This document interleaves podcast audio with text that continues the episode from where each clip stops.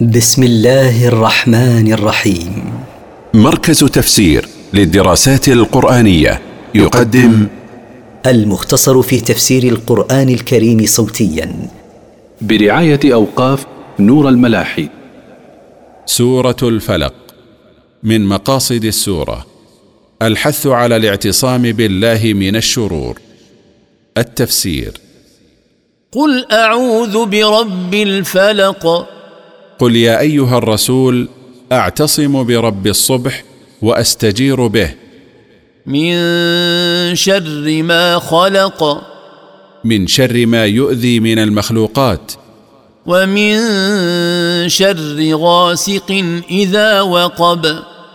وأعتصم بالله من الشرور التي تظهر في الليل من دواب ولصوص.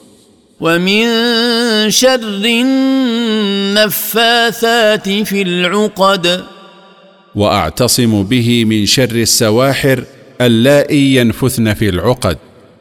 ومن شر حاسد إذا حسد.